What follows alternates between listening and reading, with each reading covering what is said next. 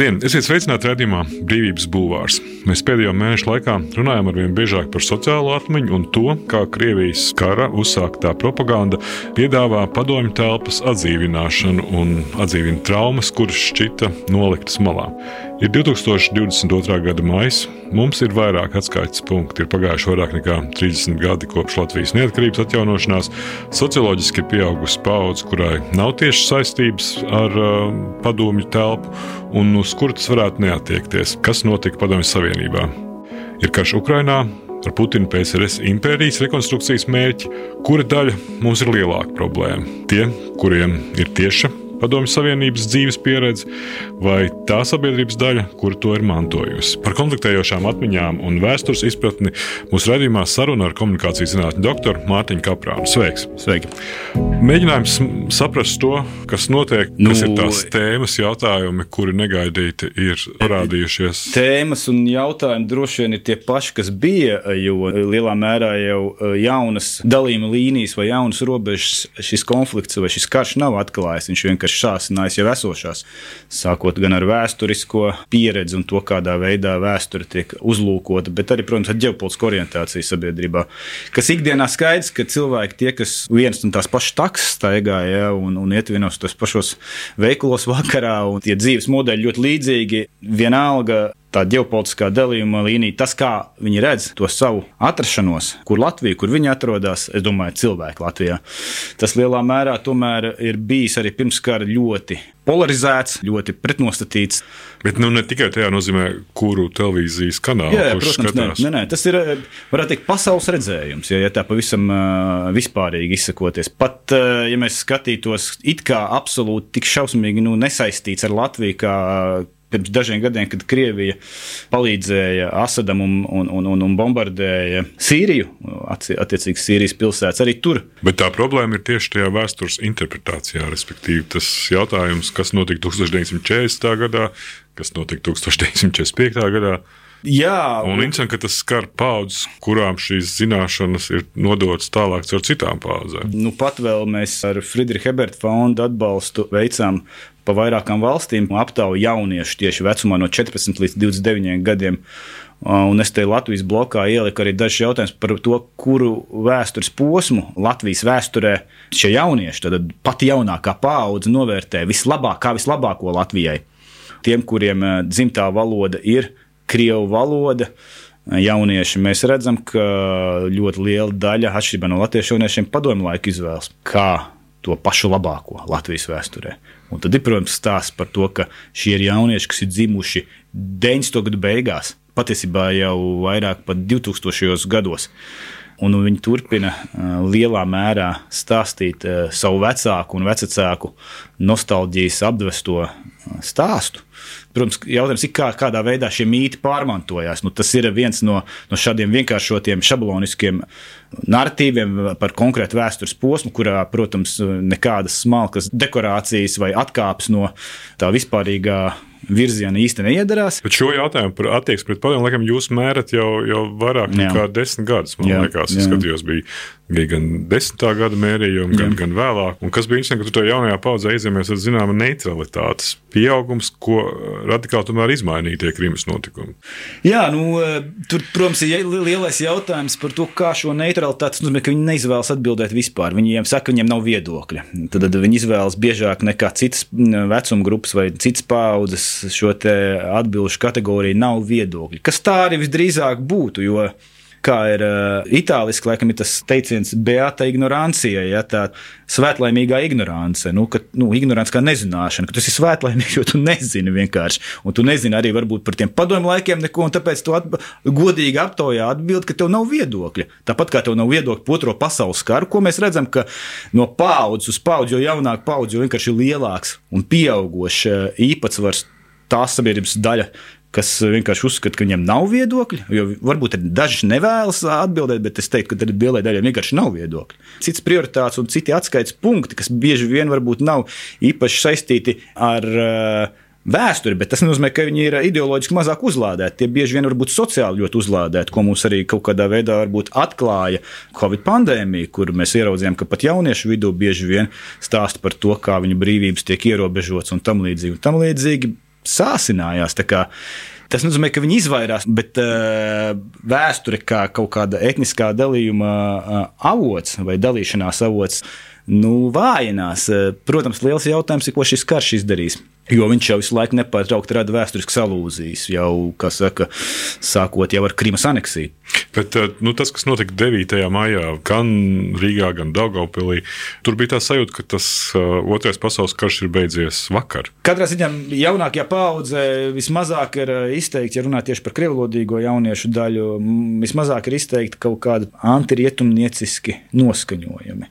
Bet vienlaikus tas, ko es minēju, tā svētlaimīgā ignorance tas ir vienmēr eh, viņš ir eh, apusgriezīgs. Ja no vienas puses mēs eh, to varam uztvert, ka tas ir labs veids, nu, lai neutralizētu. Kremļa ietekmē tajā ziņā, ka, ka jaunieši izvēlas, viņam zūd interese un motivācija interesēties par šo te, bet, protams, jebkura nezināšana, jebkurš šāds kognitīvs tukšums vai vakums rada iespējas pilnīgi no jauna kaldināt izpratni par realitāti un apkārt notiekošo. Tas ir gan attiecībā uz vēsturi, gan arī uz to, kāda, piemēram, ir Krievijas loma reģionā. Nu, ka, piemēram, Krievijai ir līdzsvarojoša loma iepratīm citām lielvarām. Nu, tas ir tas, ko lielā mērā kaut kur uh, virza ar savu multipolārās pasaules modeli. It kā tas nekad nebūtu pastāvējis, virza Kremlis uz priekšu. Kas stāstīja, ka Kremļa uh, politiku leģitimējam reģionā tieši šādi, ka viņi līdzsvaro tur, nezinu, NATO vai Amerikas pozīcijas reģionā. Šādu te tādā it kā veselā saprāta kaut kādās konstrukcijās balstītus vēstījumus, eh, protams, ka var dēstīt arī jaunākajā paudzē, jo tas ir tā tāds spēles lauks, kuru pieaugot apātijai vai ignorancei, nu, te ir vairāk, nu, apātija kaut kas cits bišķiņ, bet ignorants tajā ziņā, ka nu, tā ir nezināšana. Nu, tas nāk no tā, ka tev ir pilnīgi cits intereses, un tev vairs nav motivācija īsti savai esamībai rast pamatu tur 70 gadus senos notikumos. Ja, tu meklē pilnīgi citus atskaites punktus, ko mēs varam redzēt tajā jaunākajā krievu valodīgajā paudzē, kas ir daudz transnacionālāka, kurai tas identitātes pamats varbūt ir nedaudz elastīgāks, kas vispār jauniešiem gan ir raksturīgās. 9. maija vakarā ziņu aģentūra Lieta rakstīja, ka kopumā situācija pie pieminiekļa ir mierīga. Konflikti vai provokācijas nav novērojams, vairāk simt cilvēku ar puķiem rokās virzās uz pieminekli pārsvarā redzamas ģimenes ar bērniem, notiekošo uzrauga liels skaits policistu. Pieminiektu apkārtnē redzam arī vairāk Ukraiņas karogu un pāris Latvijas karogu. Šādā veidā arī tā pārmantošana notiek caur, caur praksi, ne jau tikai caur, kā mēs vienmēr sakām, nu, noskatīsies vienu filmu, kuru drīzāk neskatīsies tie jaunieši, bet tieši caur šādu līdzdalību. Mana kritiskā piebilde ir, ka pirmkārt salīdzināsim ar citiem gadiem, cik, tas, cik tas daudzums ir bijis. Runa bijusi vismaz atceros kaut kādas policijas ziņojums pirms pandēmijas laikā. Tur runāja par 20 tūkstošiem Rīgā, kas uh, dienas laikā iziet cauri. Varbūt ar visiem nemirstīgo pulku vēl tur vairāk samobilizēs, nezinu. Bet uh, pirmkārt salīdzināsim, un es uh, būtu tomēr diezgan drošs, ka šogad ir daudzas reizes mazāk to cilvēku bijuši. Mēs, protams, arī nevaram izvirzīt tēzi, ka, ka nevienam šis eh, pēkšņi kara dēļ vairs neinteresē, un visi ir pēkšņi sapratuši, ka, ka, ka šis rituāls eh, Putina lielā mērā balstīts un atbalstīts eh, pēkšņi ir izzudis. Nē, tas nav izzudis. Viņš jau nevar izzust, jo viņš jau lielā mērā balstās atšķirīgajās vēsturiskajās pieredzēs, kuras jau pastāvēja arī pirms šī rituāla radīšanas 2000. gadu sākumā ar visām georga lentītēm, un pēc tam nemirstīgo pulku sekojošo, kas viss ir bijis caur NVO, caur tiešu Kremļa pastarpinātu instrumentu izmantošanu, atbalstīt Krievijas vēstniecību ļoti aktīvu lomu spēlējis tajā visam, sakopjot eh, konkrētas piemiņas vietas arī ārpus Rīgas. Tagad, kas man liekas, kas ir labs eh, sasniegums eh, vismaz šajā pirmajā posmā, diskusijā, ja runā par pieminiekli, ir, ka pēkšņi vairākos Latvijas reģionos vairākās vietās atklājas akmeņi, kas ir saistīti ar kaut kādiem sarkanās armijas militārajām aktivitātēm 44. un 45. gadā. Un viņi tiek noņemti ar lielāku vai mazāku pompu. Kurš nu vairāk grib pozēt, politiski tas tur pozē, bet nu, viņi tiek noņemti pakāpeniski. Un, un interesanti, viņi ir ieauguši bieži vien, nevienam neinteresējoši, bet viņi ir bijuši. Piederība krievu kultūrai man nekad nav bijusi kaut kāds manas personības stūrakmens, bet tā ir mana dzimtā valoda. Man nav citas mācības valodas, un tagad tā mācības valoda ir valoda, kurā notiek visas šīs šausmas. Man nav secinājumu, es nezinu, ko darīt ar šo apziņu. Es par to domāju katru dienu, tas mani grauž naktīs. Es nezinu, kā. Varbūt te vajag kādu filozofu vai dzinieku, kurš varētu ieteikt vārdos to, ko es jūtu. Tā intervijā žurnālam ir žurnālisti Olga Dragļeva. Interesanti, ka mūsu piemēram, pētījumos parādās diezgan skaidri, un ne tikai mūsu, to jau daudzi runājuši, ka vietējie krievi jau arī mēģina lielā mērā ļoti uzsvērt, ka viņus nevajadzētu identificēt ar, ar Krievijas krieviem, redzēt kā daļu no Krievijas krieviem, ka viņi ir šeit. Vietējie tā arī grib, lai viņus redz, un ka viņi nekādā veidā nejūt to tuvību ar tiem Krievijas krieviem vai Krievijas iedzīvotājiem, kuri varētu būt simboliski saistīti ar viņiem. Nu, tā ir tā sabiedrības daļa, ja šķiet, kuri bija šī publiskā vēstule, karš un mēs Latvijas Krievijas atklātā vēstule, kurā nu, viņi mēģināja novilkt šo te mm -hmm. attieksmi vai, vai dalījumu starp krievu valodu un krievu kultūru, lai arī šajā vēstulē bija tāds teksts uz mums cilvēkiem, kur runā un domā krieviski, šobrīd gulstas pavisam jauna atbildības nasta. Šis jēdziens, ko šķiet jau kādu laiku lieto, un pat Facebookā ir vietne izveidota, kur sevi paši identificē kā viņi sauc eiro krievi. Eiropiskie krievi. Nezinu, vai tas ir veiksmīgi vai neveiksmīgi. Man liekas, ka tas arī ar tādu zināmu asimilējošu nozīmi ir. Jo nu, galu galā arī tie, kas tur to vēstuli parakstījuši, viņi jau nav etniski visi krievi. Tie ir krievalodīgie. Ja? Tas tomēr ir divas dažādas lietas. Mums nevajadzētu arī iet. Uh, kaut kādā padomju asimilācijas politikā, kas visas mazākuma tautības, kas nav latvieši, padara par krieviem, rusificē. Mums jau pietiek, ka mēs ar to saskaramies tagad ikdienā praksē, ka mūsu lielākā daļa ukrāņu un baltkrievu un poļu šeit ir absolūti rusificēti un nerunā nekādās dzimtajās valodās, lai kā arī vēlētos tie politiķi, kur uzskata, ka var uztaisīt kanālu ukrāņiem vai ukrāņu raidījumus un ka te būs milzīgi autori. Nu, būs jau droši vien kāds, kas sapratīs, tagad būs vēl vairāk, bet tā daļa, kas potenciāli varētu runāt savā dzimtajā valodā, valodā. Armēņi mums arī ir. Mūsu Rīgā ir pietiekami maza un aktīva armēņu diaspora, ja, bet, bet viņi ir lielā, lielākoties rusificēti. Tā valoda ir viņus padarījusi kaut kādā ziņā kā daļu no kaut kā pavisam jauna. Un tādā ziņā es nezinu, vai filozofi vai sociologi, bet, bet atrast to kategoriju, nu, redz, kaut kādā ziņā Kremlis, bet nu, arī mūsu pašu uh, sociologi un, un arī politiķi piedāvā šo kategoriju krievalodīgie. Mēs kā jau 30 gadus pētām visdažādākā līmeņa programmās socioloģiski, kulturoloģiski mm -hmm. šo grupu. Un tad ir jautājums, nu, vai šie secinājumi, kas šajos pētījumos ir atrasti, pēc tam nav raduši iespēju, ka tie tiktu realizēti politikā? Ir, ir atrasti un ir pa šis jēdziens atvērtā latvietība. Starp citu, kas arī ir, ja runā par filozofisku pieeju, par to, ka latvietība kā pilsoniska kategorija, nevis kā etniska kategorija. Un ka jebkurš, tā skaitā ik viens no šīs vēstules autoriem, varētu tikt uzskatīts par latvieti pilsoniskā izpratnē. Varētu tikt uzskatīts. Jā, protams. Radījums Brīvības Bulvārs. Sarunas par to, kas notiek un ko mēs par to varam domāt. Mūsu raidījumā saruna ar komunikācijas zinātņu doktoru Mārtiņu Kaprānu. Viens no pētījumiem, es precīzi nepateikšu, kurā gadā, šī gada 14. varbūt tas bija, kurā tur arī piedalījās, bija starpkultūra stereotipi un aizspriedumi Latvijā. Tajā tika aptaujāti vairāk nekā tūkstoš Latvijas iedzīvotāji. Viens no jēdzieniem, kuru arī uh, piedāvāja tu, runājot par šiem savējiem un svešiem latviešu un krievu attiecībām, bija šī iekļaujošā atsvešinātība. Tur rakstīja, ka cilvēku attiecību līmenī mēs cits pret citu izturamies diezgan silti, bet politiskajā plaknē cits citu nepieņemam. Tas vairāk varbūt bija bija kā mēģinājums notvert šo brīnišķīgo paradoksu, kādā mēs dzīvojam, varbūt 30 gadus vai pēdējos 20 gadus.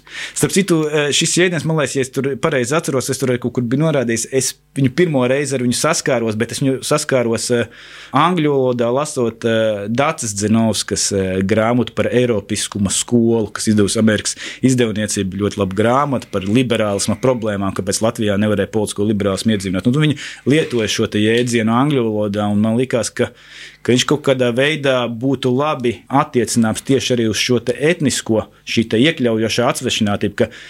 Tādā banālajā ikdienas līmenī mēs esam ļoti iekļaujoši patiesībā viens pret otru. Lai gan, protams, objektīvi izveidojas kaut vai Rīgā, mēs zinām, ir krieviskāki rajoni mazāk krieviski rajoni, bet kopumā tajā ikdienas miedarbībā mēs esam ļoti iekļaujoši. Vienos tajos pašos baseinos bērni peld, un vienos tajos pašos veikalos iepērkās, un vienos tajos pašos varbūt vēl, nezinu, kaut kādos uh, svētkos, kas varbūt nevienmēr būs vēsturiski svētki, bet, bet citos svētkos kopā svin. Bet tad ir jā, šī politiskā plakne vai politiskā dimensija dimensija, kura, kura mūs sadala, un Ukraina atkal ir viens uh, uzskatāms piemērs, ka tas ir neizbēgami sadalošs un kaut kādā ziņā to simbolisko distanci palielinošs uh, faktors starp uh, latviešiem un krievalodīgajiem.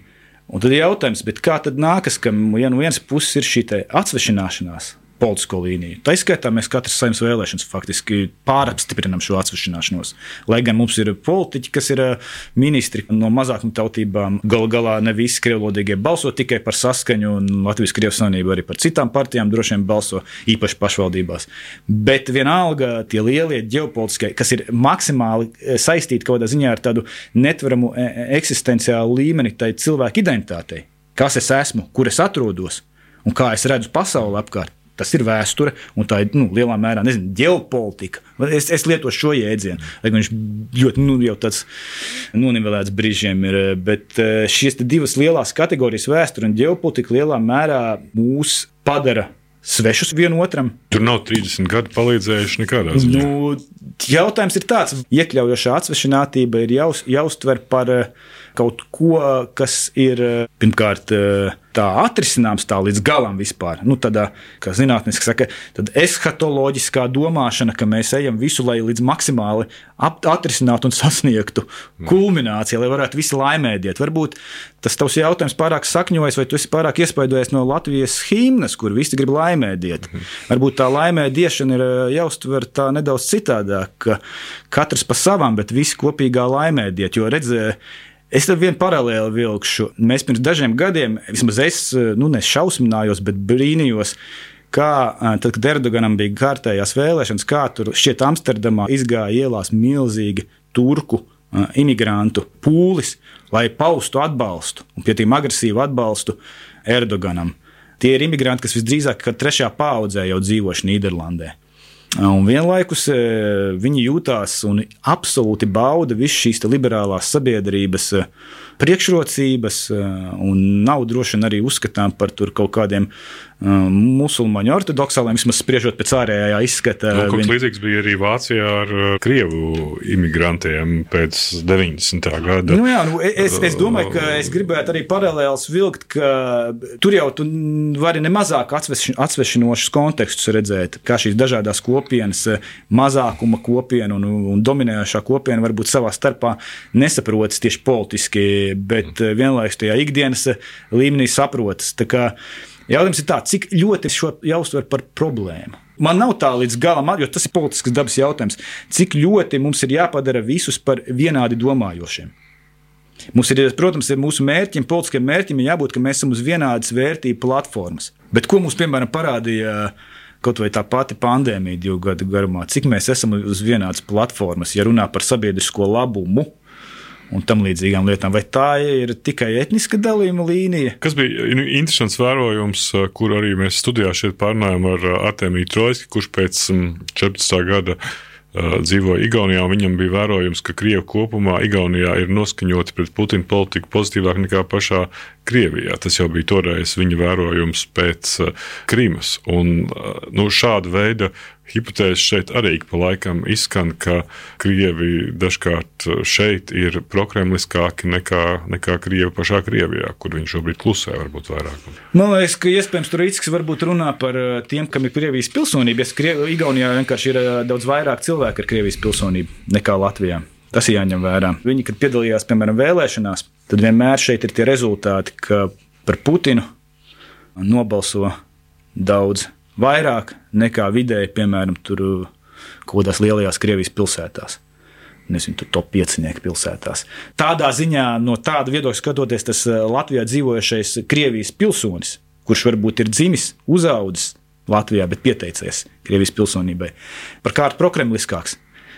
Bet nu, aptaujās, ja skatās kopumā, tā skaitā liela daļa Latvijas pilsoņu, krievu, nu, tomēr mēs to īsti neieraugam, ka būtu nu, kaut vai arī Ukraiņas kontekstā. Nu, ja, ja tā būtu, ja šī tēze atbilst patiesībai, tad jau mums vajadzēja būt eh, šiem slaveniem 45% pelēkās daļas, kas neatbalsta nevienu pusi. Tad viņiem vajadzēja visiem atbalstīt Krieviju šajā karā. A, tur atbalsta tagad pēdējā aptaujā parādījās, kādreiz, ka ir 13%, kas ir diezgan būtiski nokrities vēl pie tam.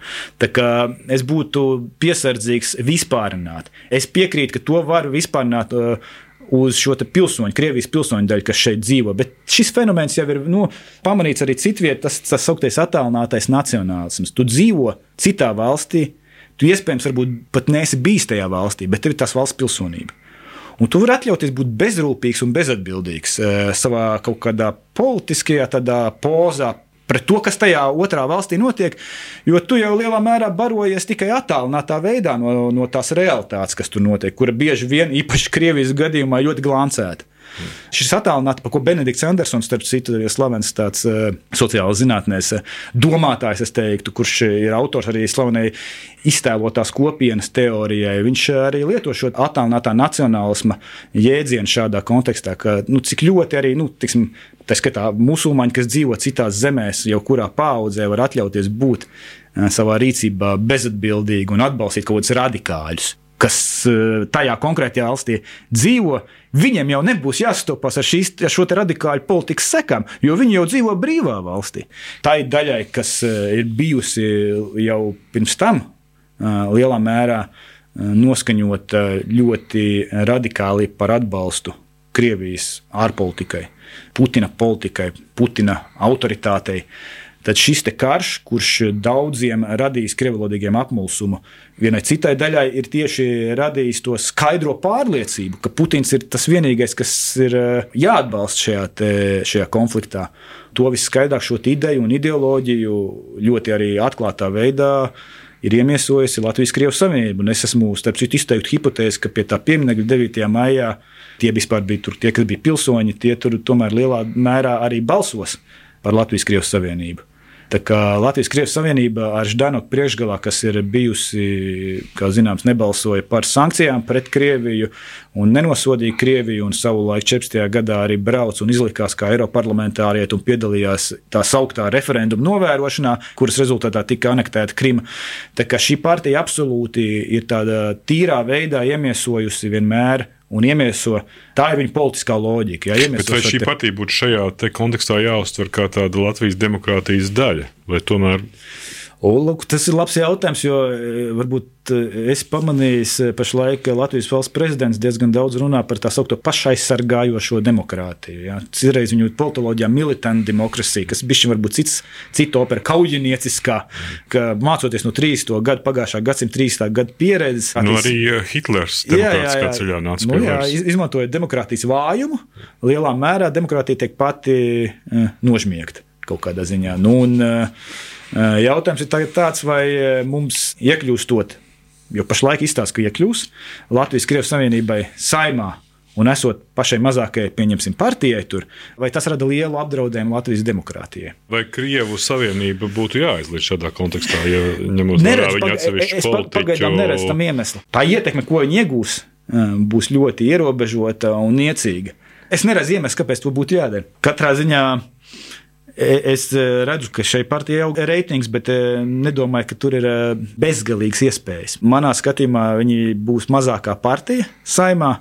Kaut ko vēl var izšķirt teorētiski. Tas, kādā veidā vai deeskalēsies līdz saimnes vēlēšanām, vai eskalēsies vēl kaut kādā veidā karš Ukrainā. Jo tas ietekmē daļu krievlodīgo vēlētāju šeit, vai viņi saglabās, spēs saglabāt šādu pragmatisku nedaudz nostāju un izvēlēties arī līdz ar to mērenāku uh, politisko pārstāvi savu interesu uh, īstenošanai, kas ir saskaņa šajā gadījumā lielā mērā. Vai viņi radikalizēsies un sapratīs, ka viņi ir apdraudēti, jo apdraudējums šeit spēlē vienu būtisku lomu. Un tādā ziņā nevajag man pārprast, bet es uzskatu, ja to pieminiektu nojauks, tas uh, dos varbūt vēl kaut kādu puspunktu klāt varbūt vienu punktu klāt Krievijas Savienības reitingā saimnes vēlēšanās. Nu, es domāju par pieminiektu uzvaras parkā. Ja nenojauks? Nu, tas likums ir pacelts augstākajā līmenī. Vēl jau ir trešais ceļš, ko visgrūtāk tagad ir diskutēt, bet ir jau tas, uz ko aicina varbūt vairāk kultūras elites zinātnieki mēģināt pārdefinēt viņu. Mainīt nosaukumu. Ne tikai. Es piedāvātu es divu trešdaļu pieeju. Proti, noņemt nost tos karavīrus un to stēlu. Un atstāt tikai šo dramatisko sievieti, kas ļoti labi iemieso kara upuru nozīmi. Tā kā var visādi padomāt. Lai rastos vienlīdzīga attieksme pret abām vēstures brūcēm, ir nepieciešama vairāk priekšnosacījumu. Taču iespējams vissvarīgākais priekšnosacījums un reizē vislielākais izaicinājums būs iespēja iedzīvināt dialoģiskās atcerēšanās modeli, ar kuru Alīda Asmani saprot memoriālo kultūru starp divām un vairākām valstīm, kuras saista kopīga vardarbības vēsture. Latvijas gadījumā tas nozīmē, ka Krievija konsekventi atsakās attaisnot saļinismu noziegumus un nevairās no morālas līdzatbildības par komunismu noziegumiem. Vienlaikus Vienlaikus Latvijas politiskā elite un sabiedrība kopumā apzinās un uzņemas morālu līdzatbildību par Latvijā noslapkavotajiem ebrejiem, mūsu līdzpilsoņiem un cilvēkiem. Tā Alīdas Asmanas grāmatas pēcvārdā rakstīja Mārtiņš Kaprāns tas ir nu, raksts, kurš ir tapis gan pirms Ukraiņas notikumiem, gan jau labu laiku atpakaļ. Un šeit arī iezīmējās problēma, ka Latvijas sabiedrība ir ļoti lielā mērā gājusi uz priekšu. Mēs redzam, ka Krievijas sabiedrība aizliedzot organizāciju memoriāls un tam līdzīgi staļinismu noziegumi ir paslaucīti zem tepiņa uz, liekas, uz daudziem gadu desmitiem šobrīd. Diemžēl, jā. Diemžēl un... tur es neko īpaši nevaru piebilst, jo tur droši vien tas bija arī saistībā ar to asmanes eh, konkrēto ideju arī par, par to īgnumu, kas ir vācu sabiedrībā pret holokausta atceres kultūru izveidojies. Kāpēc es varbūt to mēģināju uz Latviju virzīt? Mums vienīgais atliek cerēt un atliek strādāt uz to, ka tā Latvijas krievlodīgā daļa, kas lielā mērā to savu vēsturisko apziņu neizbēgami ir e, saistījusi arī ar to Krievijā notiekošo atmiņas kultūras attīstību. E, ka tagad e, nu, ir kaut kādas plaisas notikušas, kas nav tikai līmenī, mēs neesam Krievijas krievi, bet mēs esam Latvijas krievi. Bet tas varētu notikties arī tajā līmenī, ka mums nav pieņemama arī šī atmiņu kultūra, ko piedāvā Krievija. Līdz ar to, to dialoģiskumu veidot ne tik daudz ar Krieviju, bet vietējie mazāktautības krievlodīgie kopumā uh, ir gatavi iet šo ceļu, kā atzīt pirmkārt, eh, jo nu, galu galā mūsu aptaujas 17. aptaujas minējumu sociālās atmiņas monitoringu. Nu, tur jau nebija nekas ļoti patīkams. Tur mēs uzdevām jautājumu par to, cik ļoti jūs uzskatāt, var attaisnot uh, staļiniskās deportācijas. Un tur bija kāda viena piekdaļai vai pat vairāk Latvijas krievlodīgo uzskatīja, ka atsevišķos gadījumos varēja attaisnot 41. un 49. gada deportācijas, kur latviešiem tas bija kaut kas pilnīgi nepieņemams. Tā kā šī atvērtība joprojām nu, diezgan izteikti kropliem, es teiktu, vēstures priekšstatiem attiecībā uz deportācijām ir pietiekami labs indikators, ka mēs varam strādāt šeit, un varbūt arī uz to arī būtu jāorientējas. Jo nu, pārliecināt valsti, kurā nu, jau vairāk kā puse uzskata Staļinu par vienu no nozīmīgākajām vēsturiskajām figūrām Krievijas vēsturē. Un labu valdnieku. Droši vien šajos apstākļos būs diezgan grūti, bet nu, Gint vēl jau var būt arī optimists un cerēt, ka varbūt pēc gada Krievijā notiks e, revolūcija. Lai gan, nu, kurai revolūcijai tik milzīgā valstī ir tā sauktais pārplūšanas efekts, un mm. mums tas varētu visu kaut ko citu arī nozīmēt tā skaitā bēgļi un viss kaut kas cits. Skaidrs. Labi, paldies. Komunikācijas uh, zinātņu pētnieks, Latvijas Universitātes filozofijas socioloģijas institūta pētnieks uh, Mārtiņš Kaprāns. Uh, studijā raidījums Brīvības bulvārs. Mans vārds Gins Grūbe, raidījumu ierakstīja Toms Šits un Ontēja Nora Mitspa. Paldies! Brīvība ir brīvība. Nevienlīdzība vai taisnīgums, vai kultūra, vai cilvēks laime. Tā teica Iesai Berlīns sarunas ar brīvas apziņas un ideju cilvēkiem raidījumā Brīvības Bulvārs.